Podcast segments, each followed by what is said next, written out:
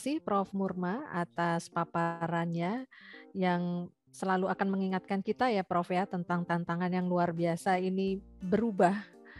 Sehingga kita harus bersiap dan melakukan banyak antisipasi agar profesi akuntan tetap bisa terus berjalan.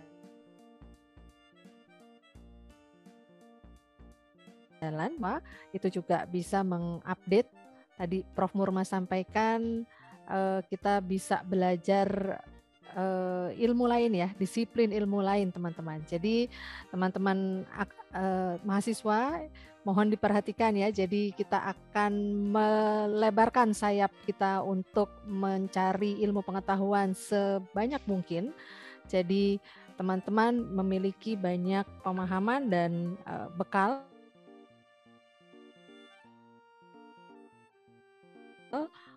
Baik, itu tadi sekilas mengenai paparan Fuka dan Bani yang disampaikan oleh Prof. Murma. Kemudian uh, Bapak Ibu mohon sabar uh, sejenak ya Bapak Ibu ya. Kalau ada pertanyaan mohon dicatat dulu karena kita akan mendengarkan paparan lebih lanjut dari Prof Intias Utami.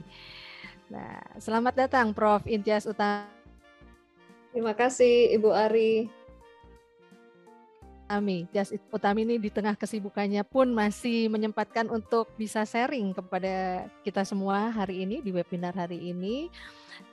Saya izin untuk membacakan eh, perjalanan karir Prof. Intias Utami.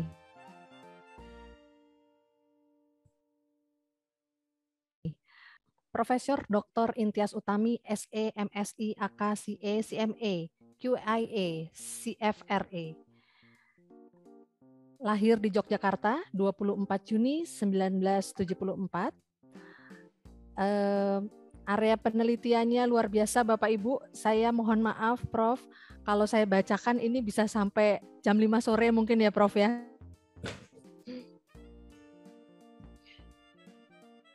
Saking di kebanyakan di internasional jurnal dan Skopus Bapak Ibu, Bapak Ibu periset mungkin sudah uh, sering mendengar ini ya Bapak Ibu bahwa kita ada uh, internasional reputasi jurnal.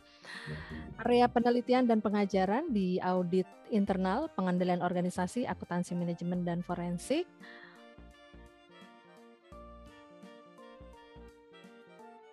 Luar biasa penelitiannya banyak Bapak Ibu. Kemudian beliau juga uh, memenangkan beberapa riset hibah riset, hibah dikti, hibah riset dan uh, beberapa hibah lain yang berkaitan dengan mungkin uh, banyak hibah selain riset ya Prof ya. Ini kelihatannya saya uh, baca luar biasa mungkin nanti kita akan uh, banyak belajar dari Prof Intias bahwa akuntan seperti apa yang ke depannya nanti ya. Jadi eh, mohon teman-teman mahasiswa bahwa akuntan itu tidak hanya membuat laporan keuangan sudah cukup, tetapi ternyata luar biasa nih kalau nanti kita dengarkan paparan dari Prof. Intias. Kemudian sebentar eh, artikel masih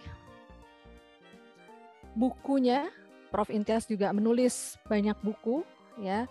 Ada ada yang berbuku berkaitan dengan uh, riset, kemudian dan buku-buku pengajaran di bidang akuntansi. Beliau juga banyak menulis di media massa, jadi Bapak Ibu bisa nanti uh, klik apa saja tulisan beliau dan kebanyakan ini berkaitan dengan BUMDes Bapak Ibu. Jadi Bapak Ibu yang berminat, Bapak Ibu dosen yang berminat untuk uh, ke arah akuntan BUMDes, teman yang lain mungkin nanti yang uh, sudah punya uh, pemikiran menuju ke arah mana silahkan untuk dibuka uh, dari uh, akunnya Bu Intias nih Prof Intias. Pengalaman pelatihan dan moderator juga luar biasa banyak Bapak Ibu. Jadi saya mohon maaf Prof, ini tidak bisa saya bacakan satu persatu, tapi Bapak Ibu apabila Bapak Ibu berkenan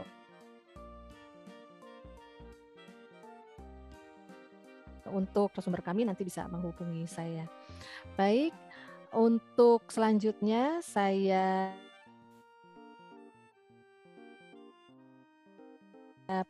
sharing berbagi kepada kami berkaitan dengan topik yang akan dibawakan. Silahkan Prof, waktu dan tempat kami persilahkan. Terima kasih Ibu Ari. Uh, ini moderator yang cetar. Saya menyapa dulu. Uh, Assalamualaikum warahmatullahi wabarakatuh. Salam hormat, salam sehat, salam semangat, dan salam gaspol. Siap. Gaspol.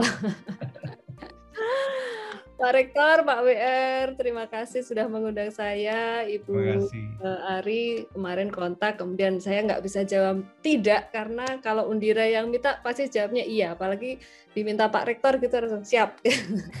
terima kasih. Terima kasih. Terima kasih Prof. Terima kasih Prof. Terima kasih Prof. Intias.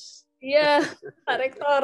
Salam dari Kupang, Bapak. Saya di Kupang ini posisinya. Wih, mantap. Luar biasa. Mobilitasnya luar biasa. Boten ini pas ada tugas.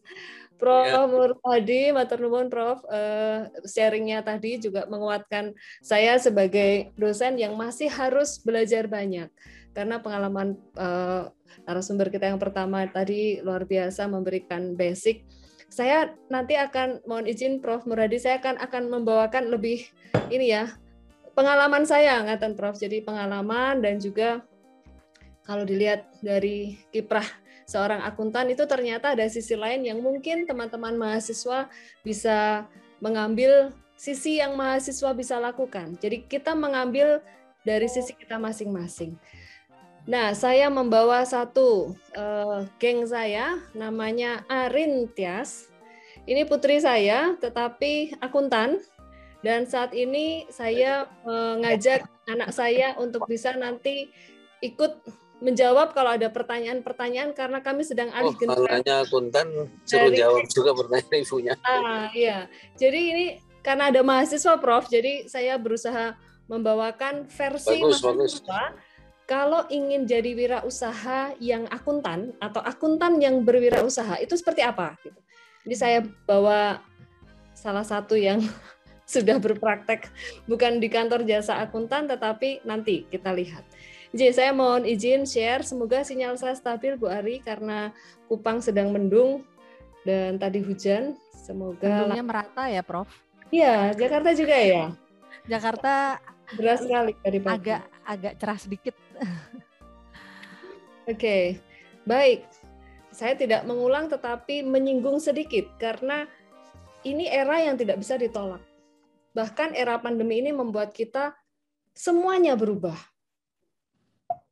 even kita yang ada di daerah ya di NTT sini saya masuk ke pelosok-pelosok daerah juga ikut berubah.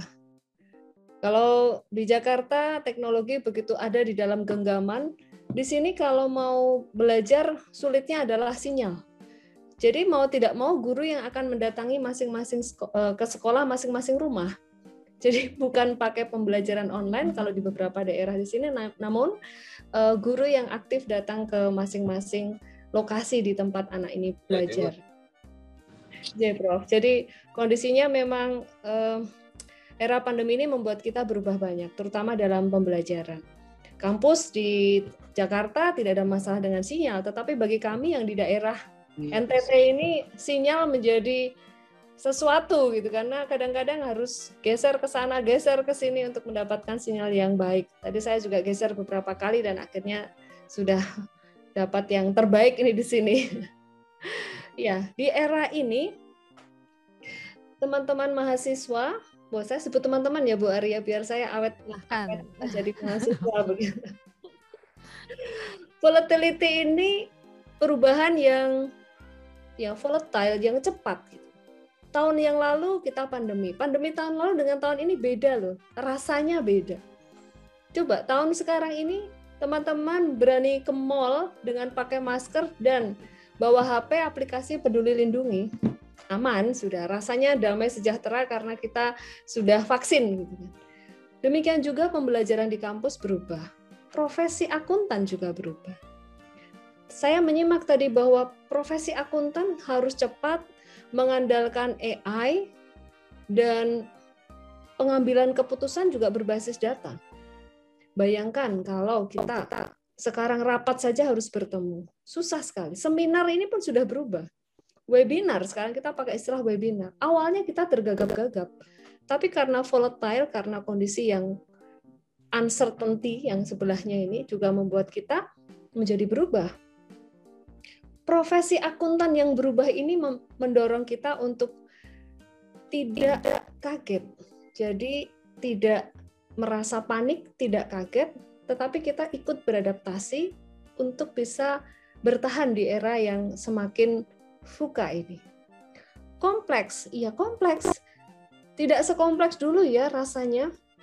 Kalau memang kompleks, tentu saja kita tidak bisa melakukan pendekatan dengan satu ilmu. Saya sepakat tadi Prof, bahwa pendekatan multidisiplin menjadi tidak terelakkan lagi.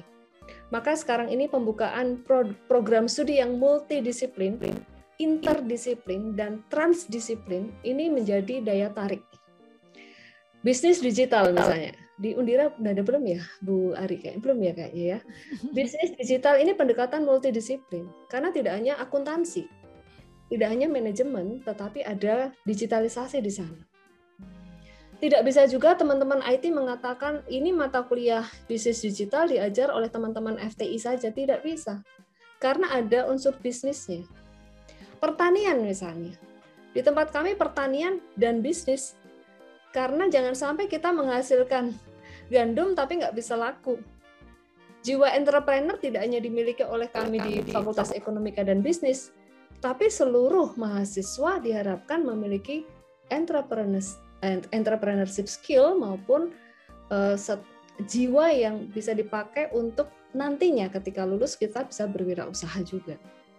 Dan ambiguity tentu saja ini berkaitan dengan uh, kita tidak bisa mengandalkan data sekarang, tapi kita bisa menggunakan data yang sifatnya panjang begitu, kemudian kita sudah menggunakan prediksi saat ini di di NTT ya saya ceritanya karena lagi ngomongin di NTT nih dari era VUCA ini untuk penanaman uh, jagung, tanam jagung panen sapi ini program pemerintah.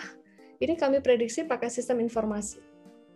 Kalau kita mau menanam jagung, kita harus tahu dulu musim-musim yang tepat. Bulan-bulan apa? Kerjasama dengan BMKG sistemnya. Nah, saya sebagai seorang akuntan, bukan yang bagian memprediksi ini kapan ya, ini apa eh, tanam tanam jagungnya itu pada bulan apa, kemudian saya mengedukasi eh, proses penanaman jagung tidak. Tapi akuntan mengambil peran bahwa bank pemerintah ketika akan memberikan kredit kesehatan petani ini, kesehatan keuangannya ini bisa diprediksi dengan melihat cara proses tanamnya tadi. Kalau kita berikan kredit pada bulan-bulan yang salah, maka habis ditanam, kena hujan, badai, habis sudah. Tapi kalau kita memberikan kredit di waktu yang tepat, maka panen juga akan dilaksanakan di waktu yang tepat. Kreditnya nanti akan berputar, eh, tidak macet dan tidak menimbulkan masalah di perbankan. Jadi peran akuntan tidak di sisi yang bagian penanaman jagung ya, tapi kita berada pada sisi menilai kesehatannya. Oke, jadi akuntan tidak hanya bicara masalah uh, menghitung, tetapi juga kita melakukan analisis atas satu kondisi. Era Bani jelas tadi sudah disampaikan uh, sesuatu yang kalau saya bilang sesuatu yang gampang pecah itu bisa bisa kita rekatkan kalau kita sendiri agile, lincah, mau beradaptasi. Cemas nggak? Ya cemas kadang-kadang manusia tuh wajar cemas. Tapi kalau kita mengisi diri kita dengan kecemasan, kita tidak mau belajar pada hal yang baru, mata kuliah baru, bahkan dosen tidak mau mengisi dengan topik-topik yang baru, tentu saja mahasiswa kita tidak bisa menjadi 90 aja ya. Iya. Ya hmm. tidak bisa nanti menghasilkan 89 uh, yang oke okay, tidak bisa menghasilkan sesuatu atau informasi yang berbobot juga. Kita tidak mau mengisi dengan hal-hal yang lain. Oke. Okay. Wah, jadi kenapa Berarti harus non-linear dan incomprehensif tadi sudah dikaitkan dengan data dan big data. Itu. kelak, kelak, kelak, kelak. Ini tidak hanya sekarang ya. Kelak ini dalam rangka menuju kelak. Apa pun yang kita lakukan, semuanya berbasis data. Bapak Ibu, teman-teman mahasiswa belanja makanan kan, pakai GoFood, pakai uh, aplikasi apa pun lah. Nama kita dengan nomor HP itu terhubung dengan nomor induk. Maka secara database Intias Utami ini sukanya beli makanan apa, pergi ke mana karena belinya tiket pakai Traveloka, kemudian selera musiknya apa, dilihat dari akun YouTube-nya, kemudian tingkat belanjanya seperti apa, dilihat dari pola belanjanya, ketahuan karena ada kartu kredit. Akhirnya pola perilaku masyarakat ini terpotret ini membantu siapa? Tentu saja membantu pemerintah kalau pemerintah narik data dari berbagai sumber tadi. Namun perusahaan-perusahaan besar pun mempelajari perilaku kita. Jangan kaget kalau tiba-tiba ada WA atau sekarang ini nomor kita itu bisa tersebar ke mana-mana. Tiba-tiba menawarkan produk tertentu yang kok bisa tahu ya nomor saya? Ya, saya pernah terima telepon yang menawarkan asuransi segala rupa begitu ya perasaan saya nggak bilang iya loh. Tiba-tiba dia sudah bertanya, siapa nama anak ibu? Oke, usianya berapa? Baik, saya bacakan ya ibu. Berarti begini-begini. Ibu tinggal bilang iya. Maka akad akad kredit apa tuh asuransinya akan terjadi. Saya kan tidak merasa sedang melakukan transaksi. Saya tuh diwawancarai dalam arti saya pikir saya diedukasi. Tapi karena sifatnya udah ya non linear tadi, komunikasi itu ternyata bisa di switch menjadi transaksi yang diakui sebagai akad suatu kegiatan investasi. Maka saya tidak bilang iya, waktu itu saya tolak saja, maaf saya tidak jadi ikut. Nah ini cara-cara yang bisa menimbulkan consumer fraud tetapi memanfaatkan era Fuka dan Bani ini. Nah, jadi apa tujuan teman-teman sekarang? Setelah tahu bahwa ini kondisi nggak bisa balik arah, kita harus jalan lurus walaupun zigzag tadi tapi kita jalannya ke depan. Kalau menurut saya pribadi ya sebagai uh, akuntan yang tadi kalau saya bilang saya ini seniman lah lebih tepatnya begitu. Ya tetapkan hati mau jadi apa, di mana, bagaimana. Kalau sekarang mahasiswa bingung itu wajar, tapi bingungnya jangan kelamaan ya. Bingungnya itu jangan dibawa ke, terus gitu. Jadi tetapkan hati, jadi trendsetter, kemudian ikuti apa kata hatimu, dan beranilah beda. Berani beda. Jadi akuntan nggak harus sama dengan, oh saya seperti kakak kelas itu ya, saya maunya seperti itu. Bukan berarti sama persis, tapi jadilah dirimu sendiri. Eh, menurut saya, setiap mahasiswa harus punya jiwa atau goal sebagai pemimpin. Jangan berpikir, wah saya pokoknya jadi karyawan bank saja deh, cukup. Yang penting saya ngantor pakai seragam. Itu dulu. Kerja ngantor pakai seragam itu dulu. Itu bagus bagus. Tetapi cita-cita mohon juga teman-teman tetapkan cita-citanya sebagai pemimpin. Jangan hanya sekedar mau jadi dipimpin gitu di bidang apa pun nah saya menawarkan satu uh, paradigma baru paradigma ini tidak ingin merubah tetapi ini memperkaya mengapa tidak teman-teman menjadi akuntan yang berani berwirausaha. Tahu bisnis kalian, tahu teman-teman punya uh, basic pengelolaan manajemen, teman-teman sudah dididik untuk memiliki sikap seorang yang profesional sebagai seorang pebisnis di mata kuliah-mata kuliah yang diambil, dan teman-teman sudah dipelajari atau sudah dipaksa untuk belajar mengelola uh, finance serta mengelola waktu secara efisien dan efektif. Ini kalau nggak kuliah nggak akan ketemu yang namanya deadline. Deadline ya, kumpulin tugas ya, itu bagian dari membentuk sikap. Jadi ketika Bapak Ibu dosen memberikan tugas deadline dengan jam tertentu, bahkan kalau terlambat itu nanti kena denda poin, itu tujuannya membentuk sikap. Jadi jangan merasa tersiksa. Ya, merasa happy lah kalian ini kalau diberi deadline. Kalau kita hidupnya nyaman, kita nggak akan bertahan di era VUCA Gak akan, karena kita merasa ah, santai aja deh, ya udahlah hidup tuh terima nasib, nggak juga nggak apa-apa, uh, bersyukur kalau dapat nggak yowes ya gitu kalau orang Jawa ya, Jangan. Dan akuntan berwirausaha atau akuntan wirausaha harus berani mengelola uh, people. Caranya sejak kita kuliah. Caranya sejak kita kuliah, kita berorganisasi adalah managing your people. Nanti teman-teman akan jadi pemimpin.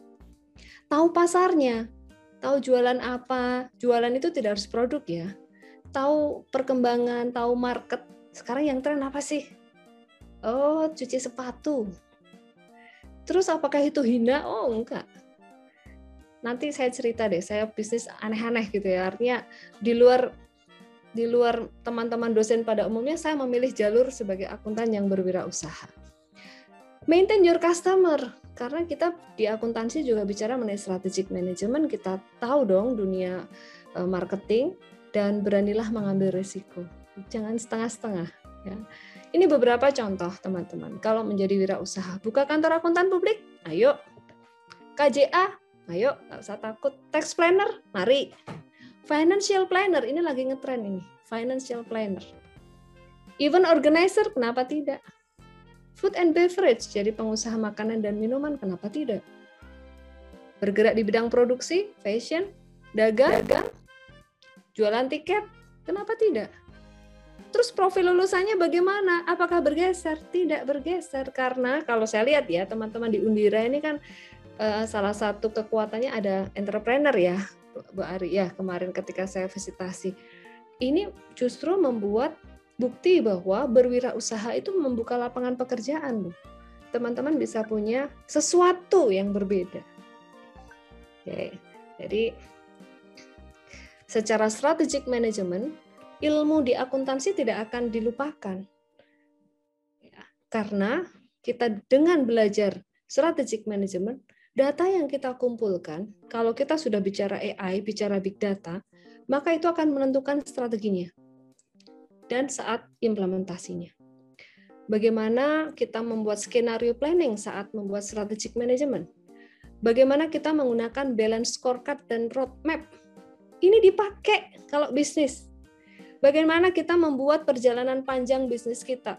Harus punya cita-cita bahwa bisnis kita itu tidak akan berhenti di tahun ini, tapi ini akan jangka panjang. Setelah itu tentu saja teman-teman dalam menyusun strategi lakukan brainstorming, banyak diskusi. Saya ini senang banget kalau udah ketemu senior yang sudah jadi pengusaha hanya ngopi kemudian saya mendengarkan. Itu bagi saya udah pelajaran dan memberikan energi. Dua minggu yang lalu saat Desember saya ke Jakarta ketemu senior pengusaha mall begitu ya. Saya cerita, Bapak, eh, saya mendengarkan cerita beliau. Ini bergeser sekarang. Mall itu sekarang tidak seperti dulu. Oke, jadi sudah tidak ada brand besar yang ada di mall, semuanya sudah online. Online saja ternyata tidak cukup.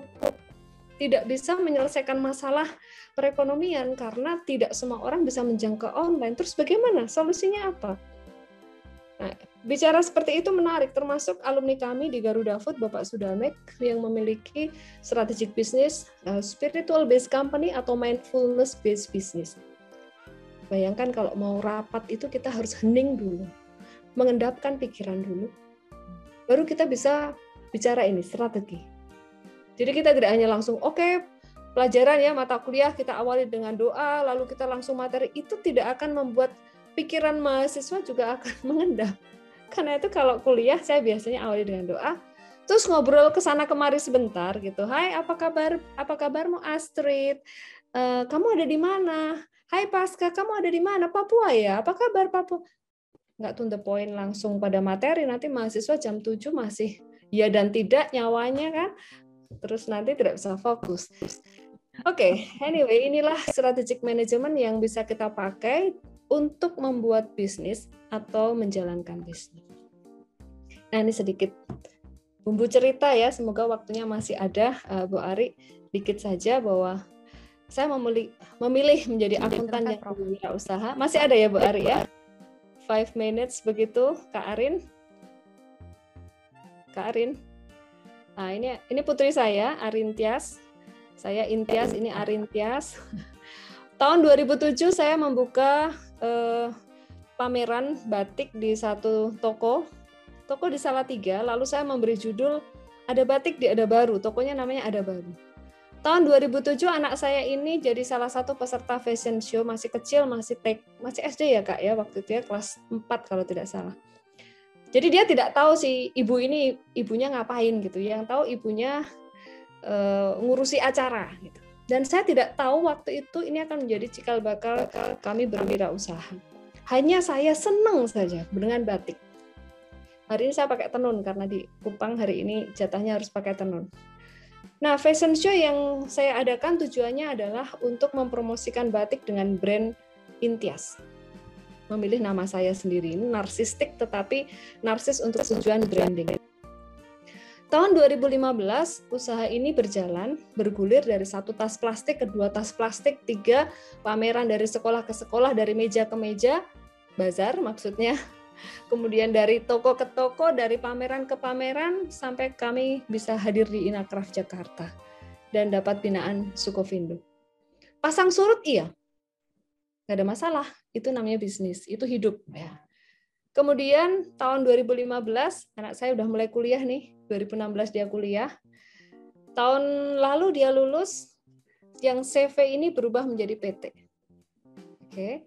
Nah, pindah generasinya berlangsung tahun lalu. Dan tahun ini sedang proses transformasi ini dari Intias ke Arintias. Dia tidak ada uh, mungkin juga cita-citanya nanti kita dengar ya. Katanya waktu itu ngambil akuntansi sih gara-gara ibu sih yang minta gitu. Tapi ternyata dia sekarang sudah tambah usahanya di kuliner. Jadi ilmu akuntansinya dipakai untuk hal-hal yang lain. Hal-hal produk yang lain artinya. Nah Karin uh, mungkin bisa sharing sedikit. Nanti ditambah ya ini PT kami bergerak di bidang pelatihan, konsultan dan juga IO. Jadi saya tulis event organizer karena saya memilih saya suka berbikin acara termasuk acara-acara webinar seperti ini. Kemudian ini bergeser ke Kakak Arin yang melanjutkan pelatihan-pelatihan dengan berbagai macam instansi. Terakhir Kakak Arin ini deal dengan Inspektorat Mojokerto. Ibunya nggak tahu, tahu-tahu mah besok ya ngisi ya.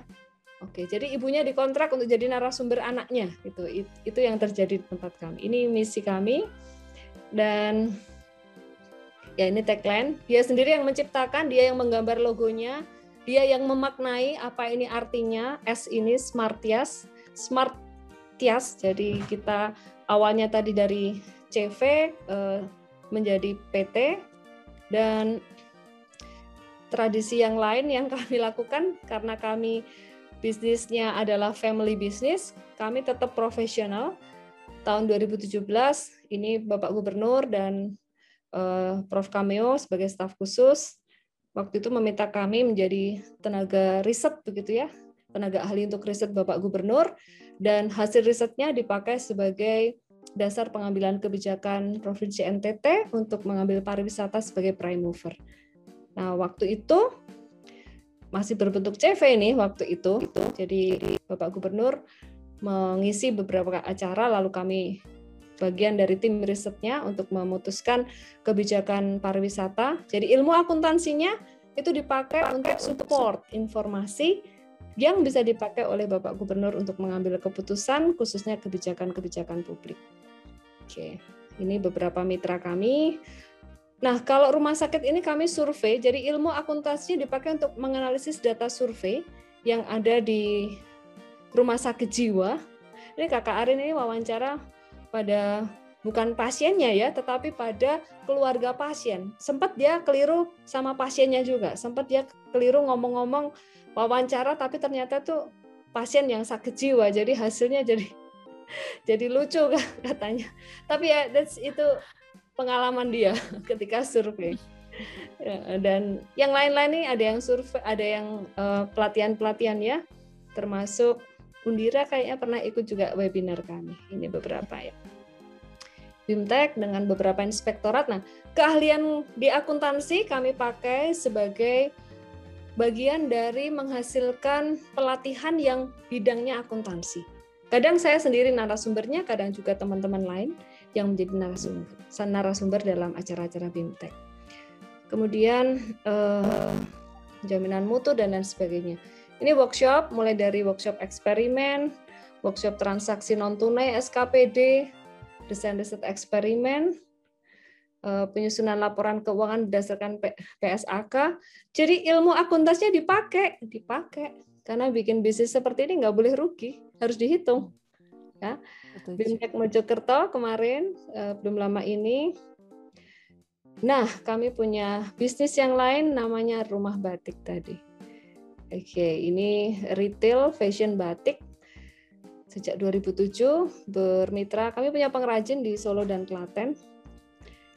Oke, inilah produknya Kakak Arin. Jadi dia sudah mulai merancang sendiri, bikin caranya dia sudah beralih generasi tadi ya. Karena Fuka tadi membuat saya sadar bahwa saya bukan generasi yang sekarang tetapi saya tidak boleh menolak kemajuan.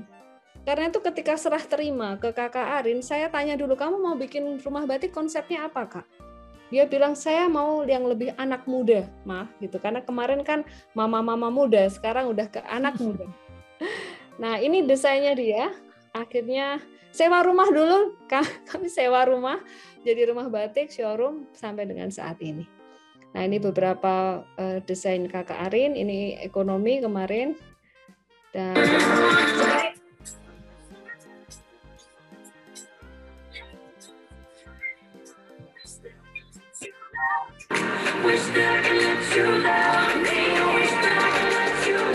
jadi generasi muda, wirausaha muda yang akuntan muda ini, kalau pengen produknya laku, ya harus punya terobosan, antara lain bikin produk baru. Nah, storyboardnya dia bikin sendiri, dia ciptakan gayanya anak muda sendiri, jualan online iya pasti, tetapi keberanian untuk bisa keluar dari zona mamanya ini yang harus uh, dan bertahan di era yang tambah buka ini. Oke. Okay. Oke, saya kira itu ya Bu Ari. Yang lainnya cerita seputar uh, bisnis kami nanti silahkan dilihat. Kami juga training untuk koperasi digital dan berbagai macam sertifikasi. Ya inilah dari hobi wirausaha yang akuntan, teman-teman juga bisa melakukan hal yang sesuai dengan passionnya. Ini beberapa kegiatan buku kami dan pelatihan membatik juga bagian dari kegiatan kami. Ini Kakak Arin yang mengatur uh, bagaimana bekerja sama dengan Yayasan Pendidikan Astra. Jadi kami tidak hanya bergerak di bidang pelatihan-pelatihan audit, tetapi di era FUKA ini resolusinya adalah bermitra dengan siapa saja, masih beririsan dengan akuntansi, dan tidak patah semangat meskipun di era pandemi. Saya kira dari saya itu ya Bu Ari, semoga teman-teman uh, tergugah semangatnya untuk menjadi wirausaha dan akuntan yang bertahan adalah akuntan yang mau keluar dari zona nyaman. Terima kasih. Selamat siang semuanya. Terima kasih. warahmatullahi wabarakatuh. Terima kasih. Waalaikumsalam warahmatullahi wabarakatuh. Terima kasih Prof. Intias. Luar biasa ya Bapak Ibu ya. Jadi uh, kita dibukakan satu jendela baru Bapak Ibu di mana uh, tidak hanya berkutat di debit kredit ya Prof. Tetapi sekarang uh, move forward lebih kepada bagaimana how to make profit dengan tadi saya tertarik uh, bahasan Prof. Intias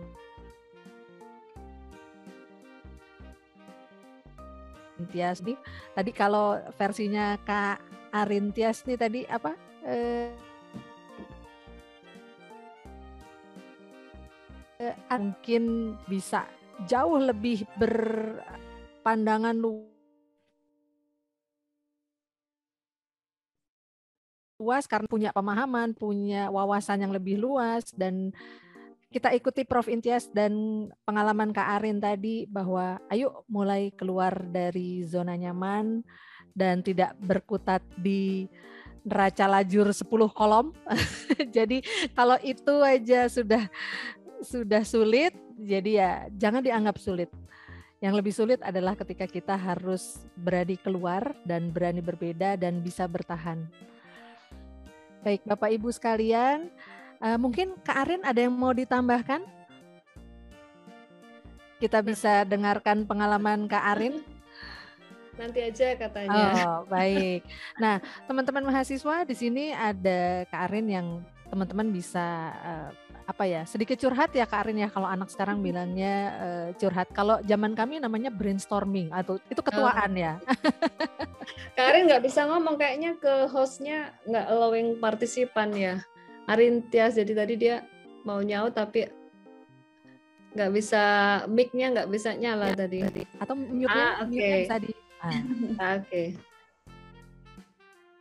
Arin mungkin buat teman-teman mahasiswa nih terutama ya untuk teman-teman mahasiswa sebetulnya Baik. banyak ya peluang peluang baru yang bisa dicoba dan dinekatin aja sih sebetulnya.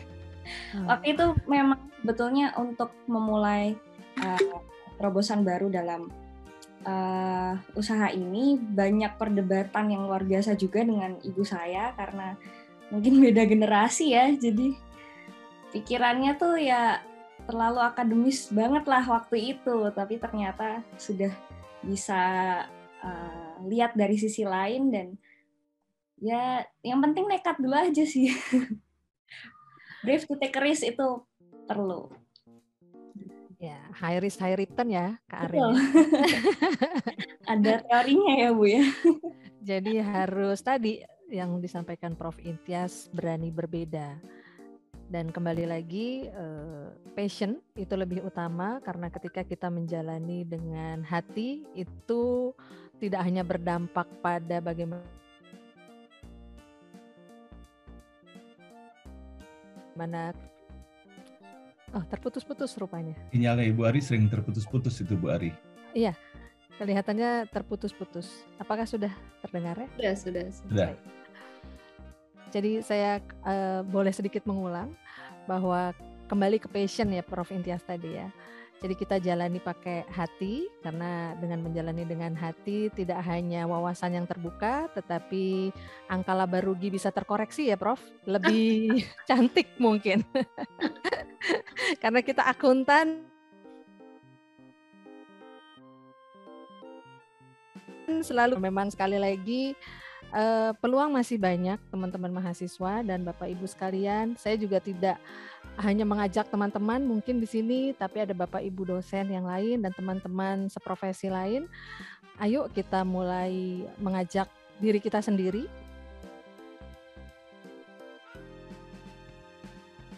dan lebih banyak di area akuntansi. Jadi kita pakai ilmu akuntansinya ini kita menjadi Jah, kesempatan ada Bapak Ibu yang mungkin akan berdiskusi. Saya persilahkan. Bu Ari sedikit, Bu Ari.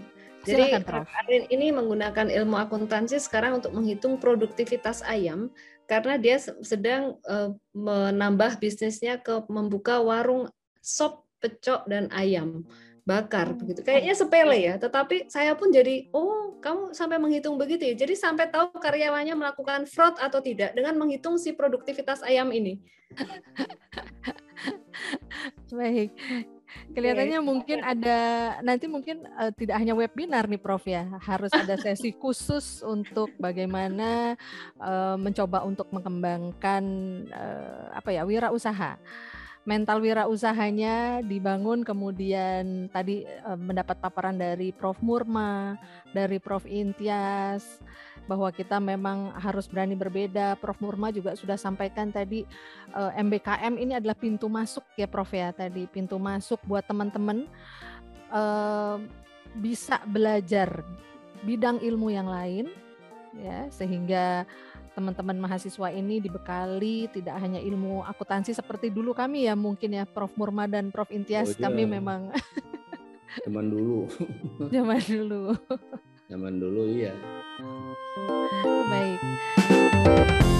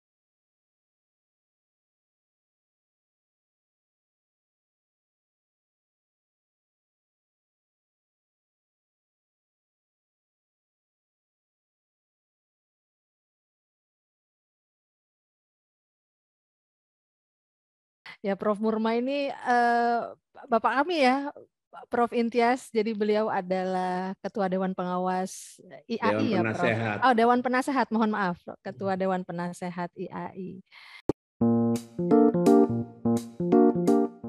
Terima kasih Bapak Ibu.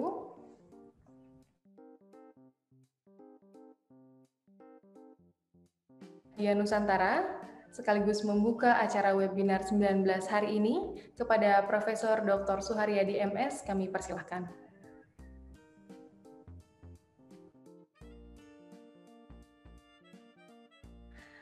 Mohon izin Prof, eh, audionya masih dalam kondisi mute.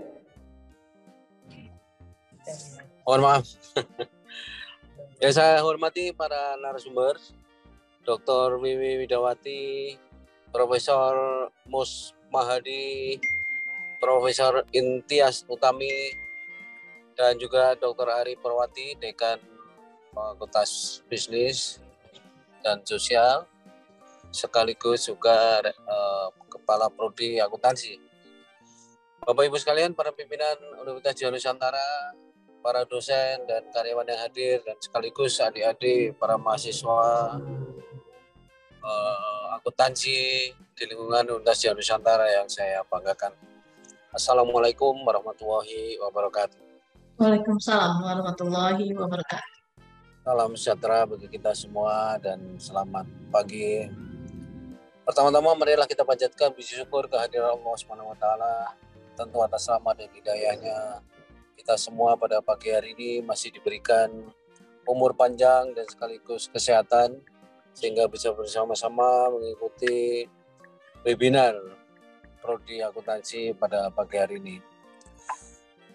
Bapak Ibu sekalian, adik-adik yang saya banggakan, hari ini webinar akan membahas masalah FUKA dan BANI kaitannya dengan perkembangan atau prospek dari profesi akuntansi.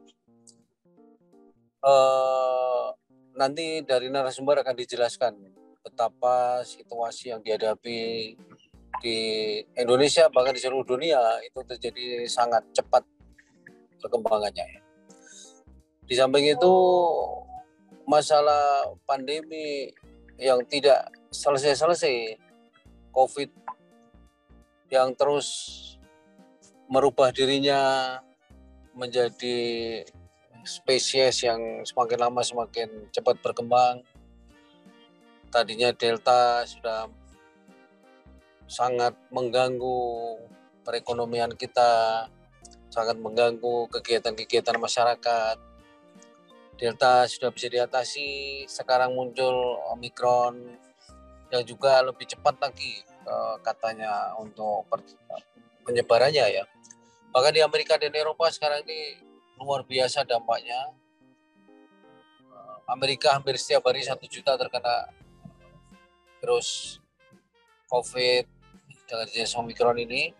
Dan di Indonesia diprediksi bulan Februari Maret juga akan terjadi puncak dari penyebaran Omikron dan kita harus berhati-hati. Oleh karena itu saya dan teman-teman saya berharap untuk mengikuti instruksi Presiden untuk melakukan booster atau vaksin yang ketiga. Saya ini di jalan dalam rangka menuju uh, ikut booster vaksin ketiga karena kebetulan dapat uh, jadwal pagi ini.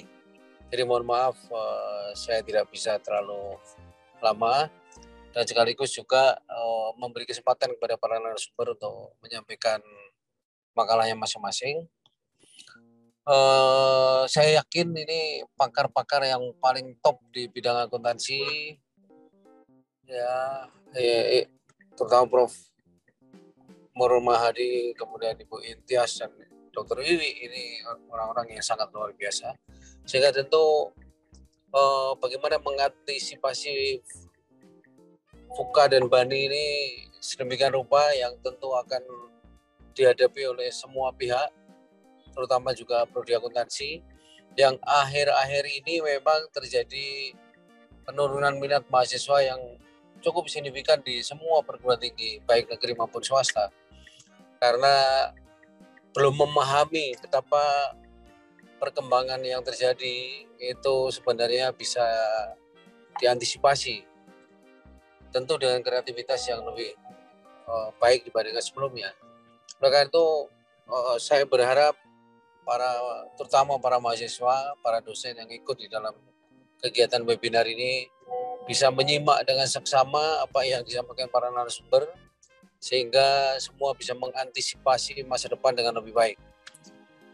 Demikian saja ingin saya sampaikan. Terima kasih yang sebesar-besarnya kepada uh, Profesor Mur Mahadi, Profesor Entias Utami, dan Dr. Wiwi Widawati, sekaligus Dr. Ari Purwati sebagai penyelenggara. Mudah-mudahan kegiatan webinar ini berjalan dengan lancar dan sukses. Dan sampai bertemu lagi di lain kesempatan secara langsung. Insya Allah nanti kalau COVID sudah berlalu, kami akan mengundang para narasumber langsung datang ke kampus atau kita berdiskusi lebih lanjut. Terima kasih atas perhatiannya. Assalamualaikum warahmatullahi wabarakatuh. Waalaikumsalam warahmatullahi wabarakatuh. Terima kasih Prof atas sambutannya. Dan selanjutnya eh, sambutan koordinator IAI KAPD dari DKI Jakarta yaitu kepada Ibu Dr. Wiwi Idawati SEMSI. Kami persilakan. Terima kasih eh, Sekar atas waktu dan kesempatannya. Terima kasih. Bismillahirrahmanirrahim. Assalamualaikum warahmatullahi wabarakatuh. Puji dan syukur senantiasa kita panjatkan kehadirat Allah Subhanahu wa taala yang telah melimpahkan rahmat dan berkahnya kepada kita semua sehingga hari ini kita bisa dipertemukan untuk mengikuti acara webinar nasional yang diselenggarakan oleh Universitas Dia Nusantara uh, bekerja sama dengan Forum Dosen Akuntansi Perguruan Tinggi Wilayah DKI Jakarta. Pertama-tama kami pengurus Forum Dosen Akuntansi Wilayah DKI Jakarta mengucapkan Terima kasih dan penghargaan yang sebesar-besarnya kepada Bapak Rektor Universitas Dian Nusantara yaitu Profesor Dr. Suharyadi. Terima kasih atas waktu dan kesempatannya Pak eh, bisa eh, kita bertemu pada hari eh, webinar ini. Kemudian juga kami ucapkan terima kasih dan penghargaan yang sebesar-besarnya kepada Ibu Dr. Ari Purwanti, SEMAK, CA CSR Cera Ciba, Dekan Fakultas Bisnis dan Ilmu Sosial Universitas Dian Nusantara, uh, merangkap uh, Kaprodi Akuntansi dan hari ini juga sekaligus bertugas menjadi moderator pada webinar hari ini. Yang terhormat kepada Bapak Profesor Dr. Haji Hurma Hadi Surya Janegara, SEMM, Akuntan CA CPA, selaku Rektor Unit, uh, Institut Bisnis Informatika Kesatuan Bogor sebagai narasumber hari ini. Selamat pagi, Prof. Kemudian kepada yang terhormat Ibu Profesor Dr. Intias Utami, SE, MSI Akuntan CA, Kepala Penjamin Mutu Universitas Kristen Satya Wacana sebagai narasumber hari ini. Bapak Ibu peserta webinar yang kami hormati, adik-adik mahasiswa serta Bapak Ibu panitia yang sudah uh, dapat menyelenggarakan webinar hari ini.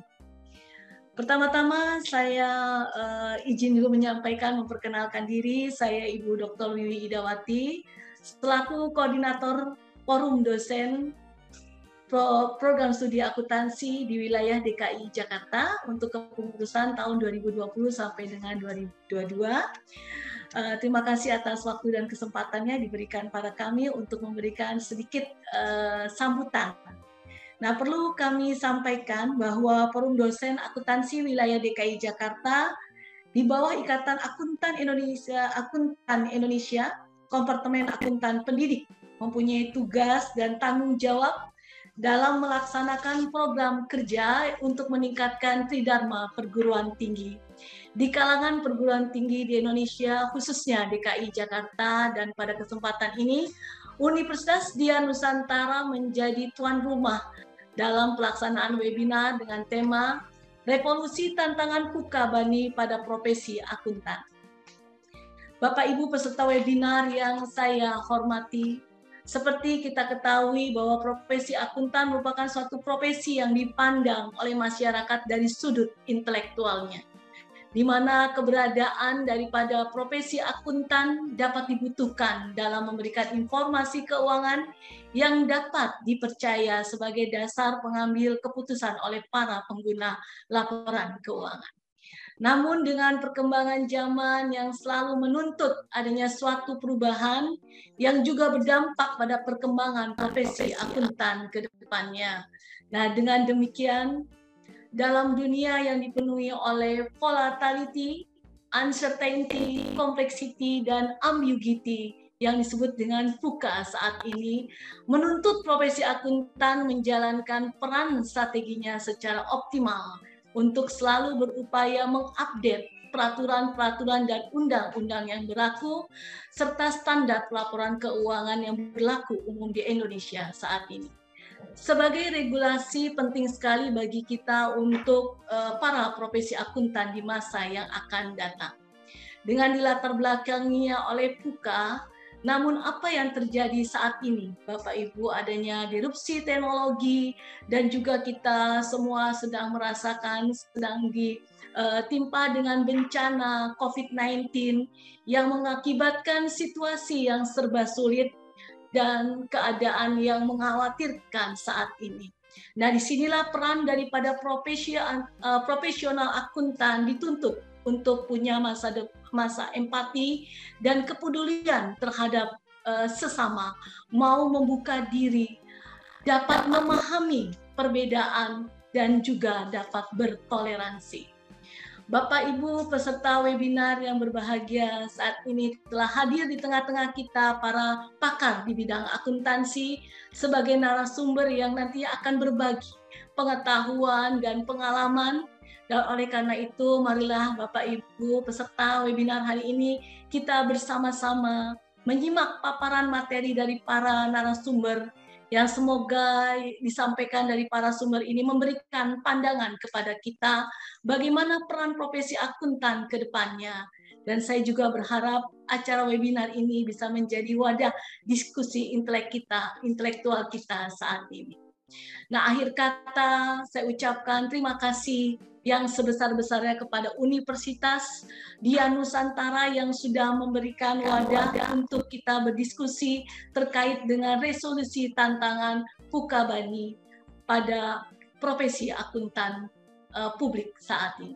Demikian yang bisa saya sampaikan dan saya ucapkan wassalamualaikum warahmatullahi wabarakatuh. Terima kasih Mbak Siska, saya kembalikan ke MC. Waalaikumsalam warahmatullahi wabarakatuh. Baik, terima kasih banyak Ibu Dr. Wiwi atas sambutannya. Baik, selanjutnya Bapak Ibu, tibalah kita semua pada sesi utama webinar hari ini, yaitu penyampaian oleh kedua uh, narasumber yang akan didahului oleh Profesor Nur Mahadi, lalu akan dilanjutkan oleh Profesor Intias. Dengan ini kami serta turut mengundang Ibu Dr. Ari Purwanti yang merupakan dekan dari Fakultas Bisnis dan Ilmu Sosial, serta Ketua Program Studi Akuntansi yang hari ini bertindak sebagai moderator. Kepada Ibu Dr. Ari, kami persilakan memandu perjalanannya sesi penyampaian materi. Baik, terima kasih Mbak Sekar. Selamat pagi Bapak Ibu semua, selamat pagi Prof Murma, selamat pagi Prof iya. Intias, selamat pagi Prof Suharyadi.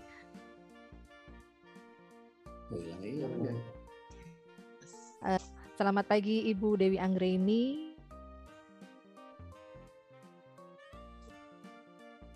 Selamat pagi Dawati ketua kami di IAIKPD, uh, eh, Forum Dosen DKI Jakarta. Selamat Selamat pagi Bapak Ibu dan mendapatkan semua.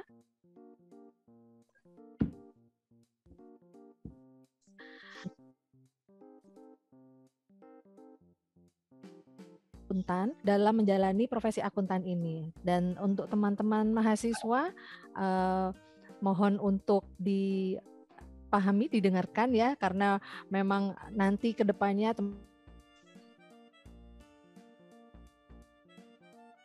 teman-teman Mahaskuntan dan akan melanjutkan profesi ini sehingga kita akan dapat eh, pesan-pesan dari para pakar. Untuk itu sebelum saya memulai uh, uh, diskusi ini, izinkan saya untuk membacakan sekilas mengenai CV uh, Prof Murma. Baik, Prof Murma, Prof Do, Profesor Dr. Haji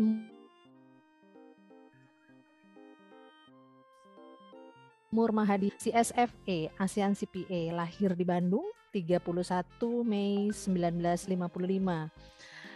Uh, beliau lulusan dari S3 Ilmu Ekonomi Akuntansi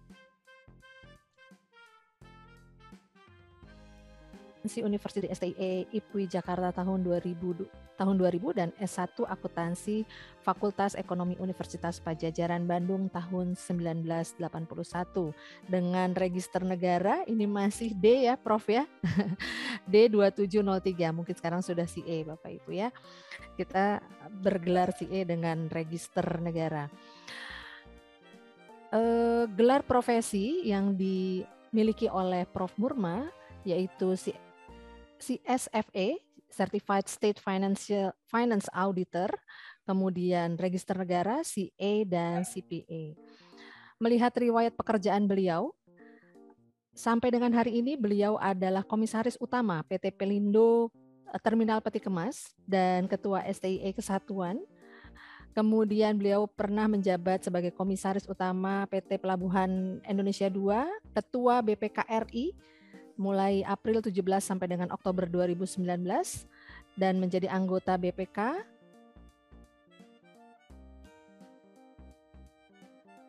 Kamu Rajasa dan Komisaris PT Pulau Kencana Raya.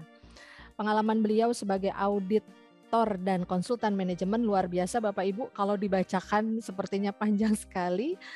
Kemudian eh, di bidang pendidikan, Prof. Murma ini juga di tengah-tengah kesibukannya masih menyempatkan untuk menulis buku dan melakukan penelitian Bapak Ibu. Jadi kita sebagai eh, dosen tidak lupa untuk melakukan tridharma yaitu tetap melakukan penelitian dan luar biasa Prof Murma ini juga jurnal internasionalnya banyak ya Bapak Ibu ya kalau dibacakan nanti Bapak Ibu bisa searching di Google Scholar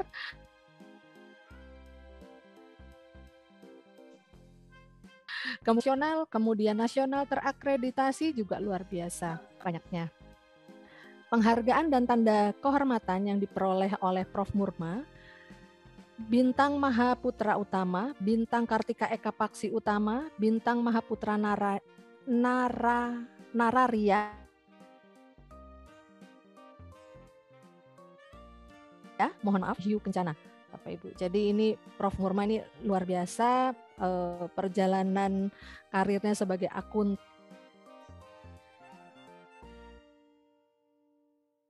dan uh, untuk itu kami persilahkan Prof Murma untuk bisa sharing kepada kami berkaitan dengan tantangan yang kami hadapi Fukabani ini.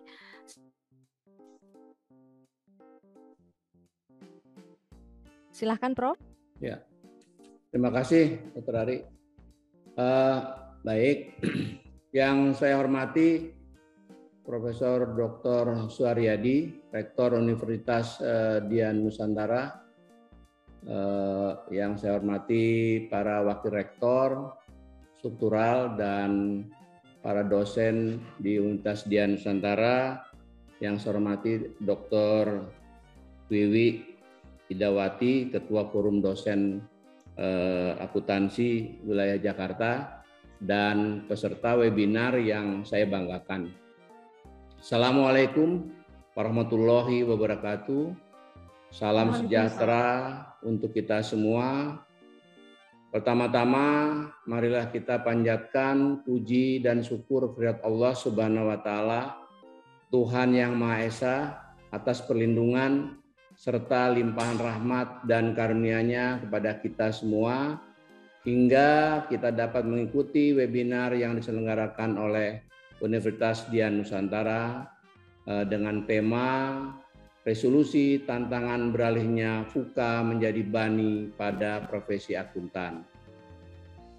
Hadirin yang berbahagia, FUKA merupakan singkatan dari volatile, uncertain, kompleks, dan ambiguous.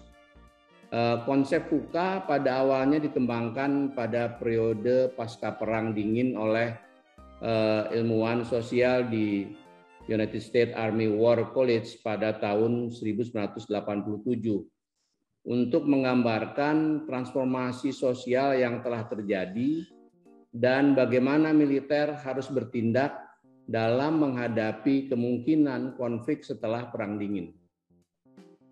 Eh, dalam perkembangannya, konsep FUKA diadopsi oleh berbagai bidang termasuk bisnis untuk mengantisipasi adanya ketidakstabilan di seluruh dunia, perubahan yang cepat, dan munculnya transformasi teknologi.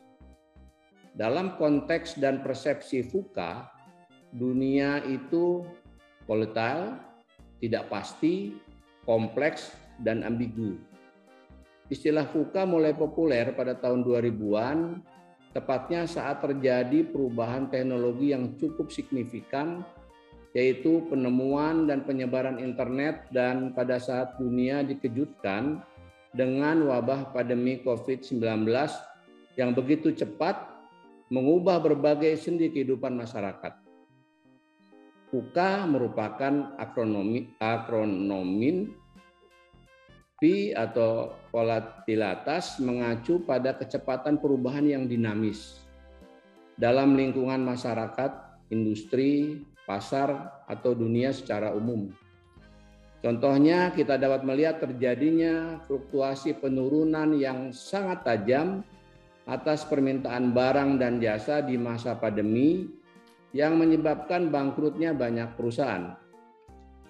U atau uncertainty atau ketidakpastian dikaitkan dengan ketidakmampuan untuk memprediksi masa depan adanya hal-hal yang terjadi di luar yang telah kita rencanakan.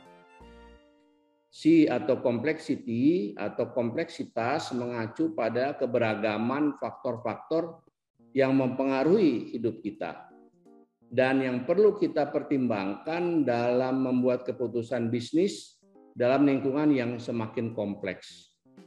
E atau ambiguity atau ambiguitas berkaitan dengan adanya ketidakjelasan informasi sehingga kita salah menafsirkan suatu kejadian atau realita. Tidak hanya dalam dunia bisnis, konsep FUKA juga telah mempengaruhi profesi akuntan. Perkembangan teknologi informasi yang begitu pesat dan perkembangan lingkungan bisnis yang dinamis dan semakin kompleks menjadi tantangan sekaligus peluang bagi para akuntan.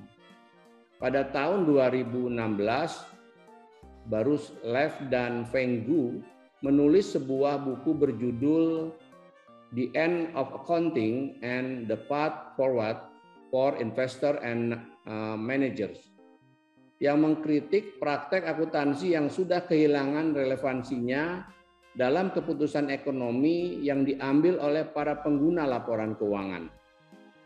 Karena dunia sudah berkembang dan laporan keuangan sudah tidak banyak berubah lebih dari 100 tahun. Salah satu kritik paling pedas dalam buku tersebut adalah accounting lebih banyak mendasarkan diri kepada estimasi, bukan fakta sebenarnya. Contohnya adalah perhitungan depresiasi aset tetap dan penyisian piutang. Padahal di era FUKA, estimasi dan prediksi sulit dilakukan dan distorsi estimasi terhadap realita sangat signifikan. Salah satu masalah penting yang dihadapi oleh berbagai disiplin ilmu, termasuk akuntansi, adalah pesatnya perkembangan teknologi informasi. Hal ini menyebabkan terjadinya dikotomi antara tradisional versus modern accounting. Banyak praktisi berpendapat bahwa praktek akuntansi tradisional tidak efisien, membosankan, rawan kesalahan, menyesatkan, dan mahal. Ribuan transaksi direkonsiliasi dan dicocokkan pada akhir periode dan karena manusia tidak sempurna. Proses monoton ini meningkatkan kemungkinan kesalahan pencatatan dan perhitungan. Pada tahun 2019, Backline melakukan survei terhadap lebih dari 1.100 eksekutif dan terungkap bahwa 55% responden tidak sepenuhnya yakin bahwa bahwa mereka dapat mengidentifikasi eh, kesalahan dalam laporan keuangan yang mereka buat sampai diterbitkannya laporan keuangan tersebut.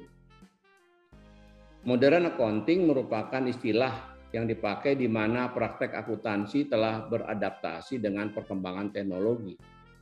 Dalam akuntansi modern, data terintegrasi dan adanya informasi real time untuk analisis dan keputusan. Transparansi dan kecepatan informasi membantu para investor mendapatkan informasi yang akurat dan meyakinkan Akuntansi modern juga lebih manusiawi yang dapat membebaskan membebaskan akuntan dari tugas-tugas monoton dan lebih fokus pada keahlian, kreativitas, dan profesional judgment mereka. Para akuntan dapat mengurangi adanya volatilitas dan uncertainty dengan mengembangkan artificial intelligence dalam proses bisnis mereka. Saat ini peranan data sangat krusial dalam pembuatan keputusan finansial. Penggunaan big data analytics dalam mengolah data keuangan merupakan sesuatu yang sangat diperlukan. Selain itu, teknologi saat ini memungkinkan kita dapat secara real time melakukan monitoring atas hal-hal yang terkait dengan keuangan yang dapat diakses from anywhere and anytime. Artificial intelligence memungkinkan mesin untuk uh, memungkinkan mesin untuk mengamati uh, mementingkan mesin untuk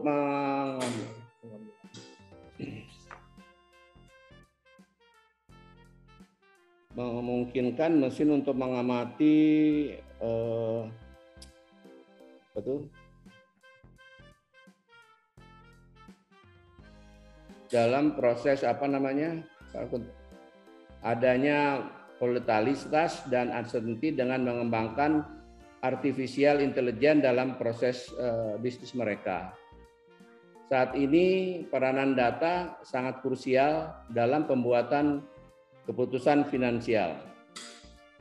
Penggunaan data uh, analytics dalam mengolah data keuangan merupakan sesuatu yang sangat diperlukan.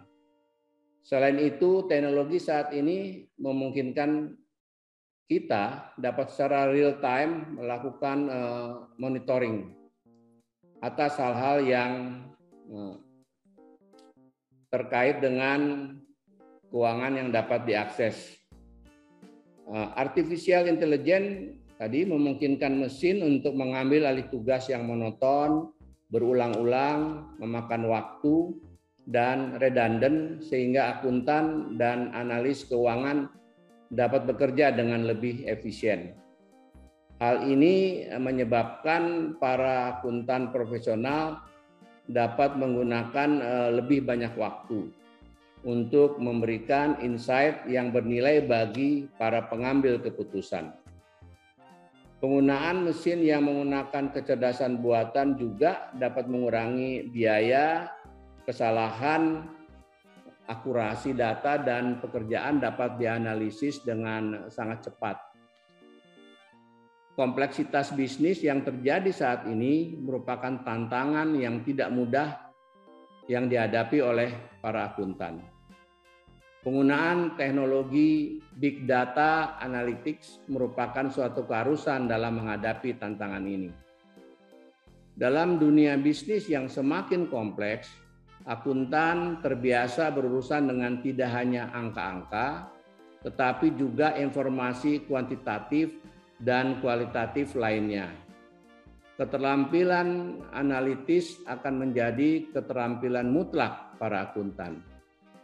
Eh, hadirin yang berbahagia, para ahli berpendapat bahwa konsep KUKA tidak cukup memadai untuk menghadapi perubahan-perubahan di masa pandemi COVID-19 dan masa setelah itu.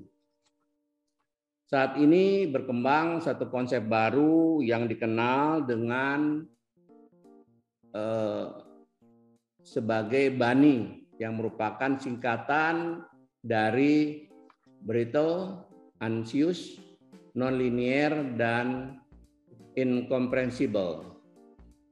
Konsep BANI dikembangkan oleh seorang antropolog, penulis, dan futuris Amerika yang bernama Jamais Casio.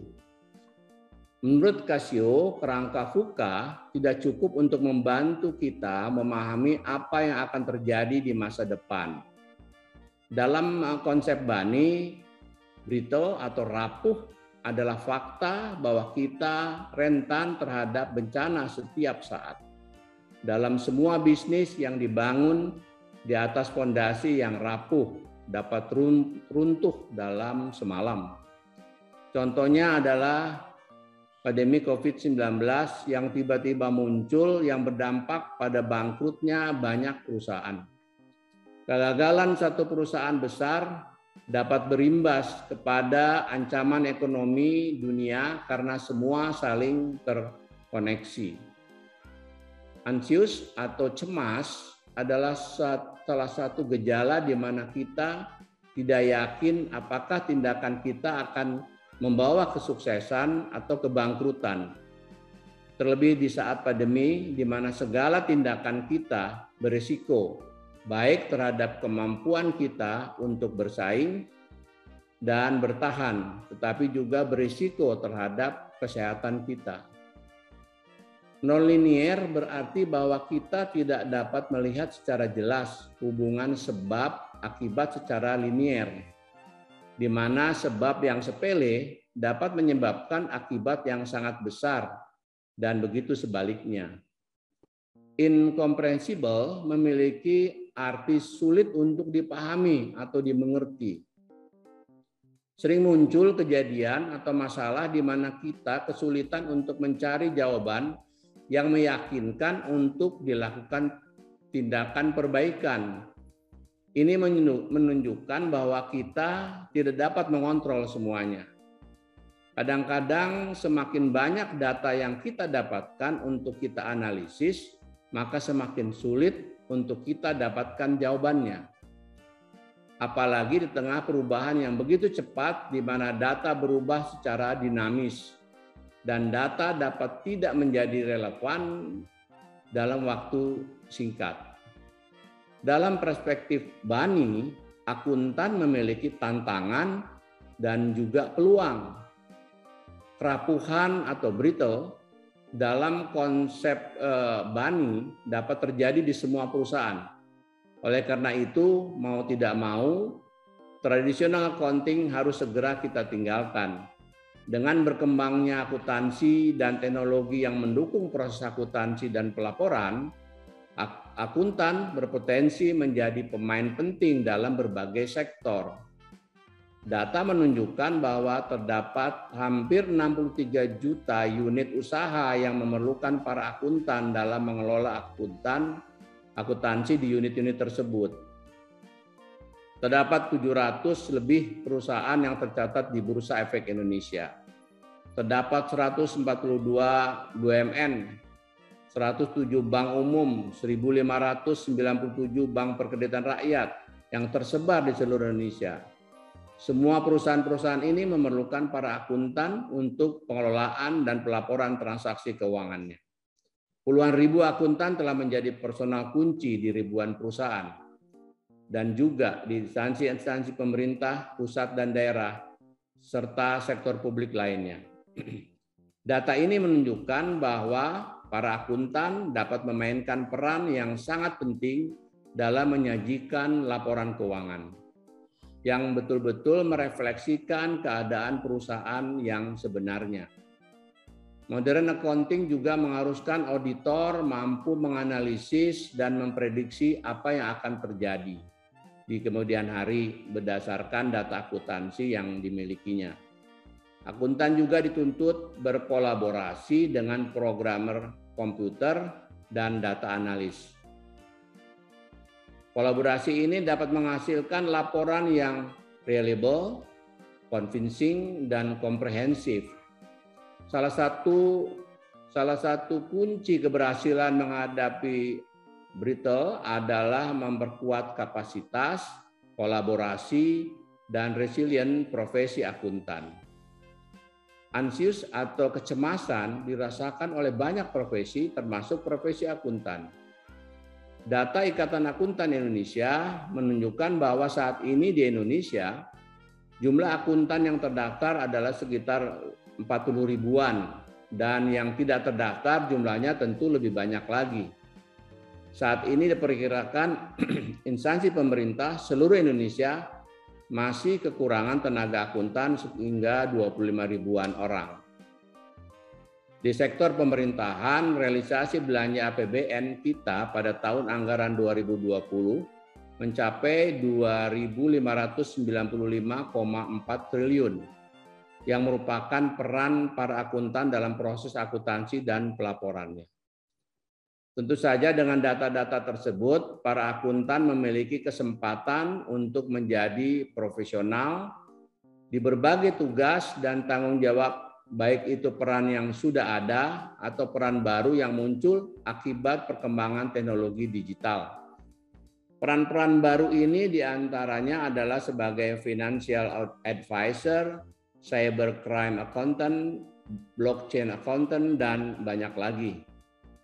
Tidak ada alasan untuk khawatir bahwa akuntan akan punah dalam waktu dekat.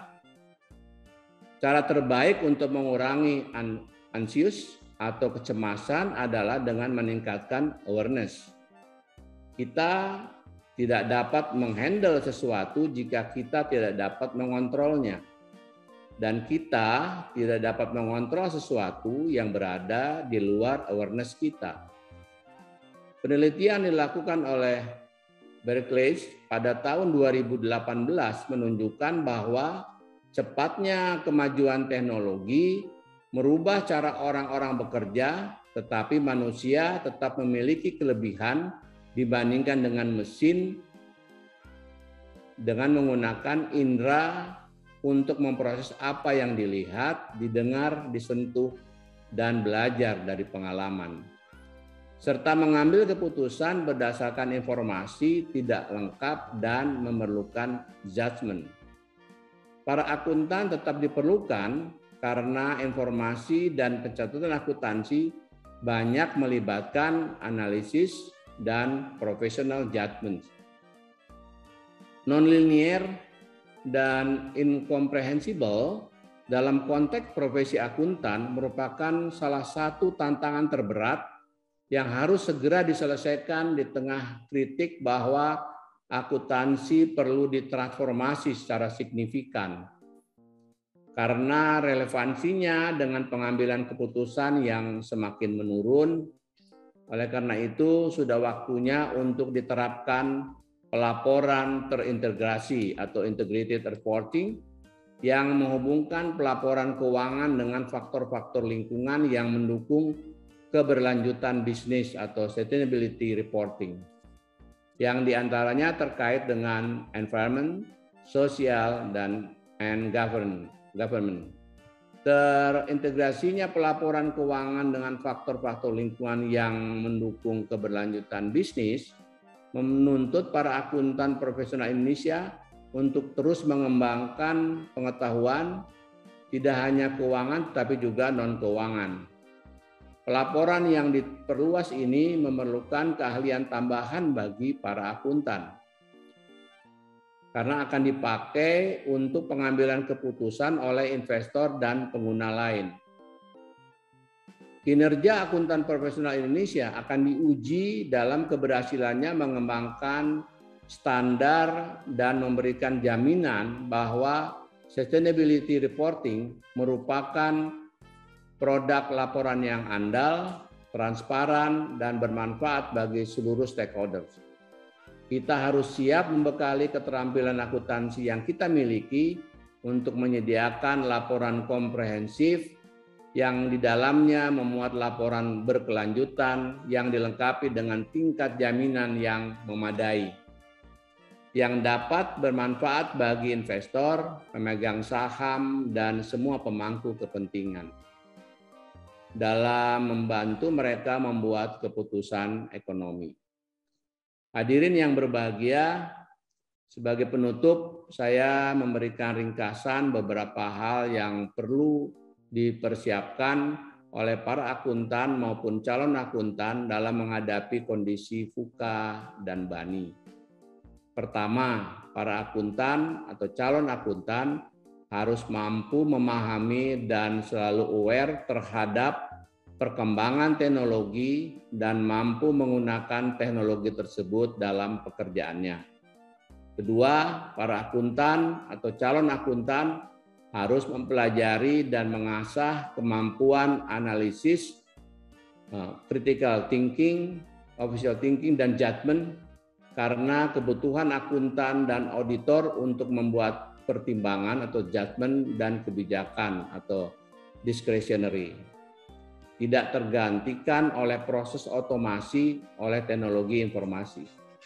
Ketiga, para akuntan atau calon akuntan harus mempelajari berbagai disiplin ilmu lain, tidak hanya akuntansi, yang dapat menunjang pengetahuan tambahan seperti big data analytics dan artificial intelligence.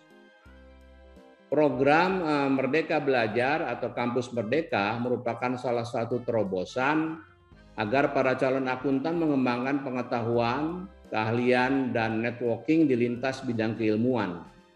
Para mahasiswa akuntansi dapat mengambil mata kuliah non-akuntansi pada program studi lain di dalam maupun di luar kampus, sehingga ketika lulus dapat memiliki pengetahuan dan keahlian tambahan untuk menunjang karirnya. Yang terakhir, tidak kalah pentingnya adalah bagaimana para akuntan atau calon akuntan harus selalu mengembangkan networking lintas bidang keilmuan dan keahlian dan juga kemampuan komunikasi yang baik. Demikian penyampaian saya.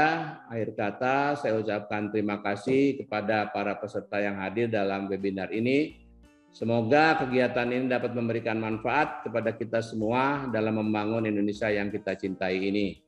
Sekian dan terima kasih. Wabillahi, wabillahi taufik wal hidayah. Assalamualaikum warahmatullahi wabarakatuh.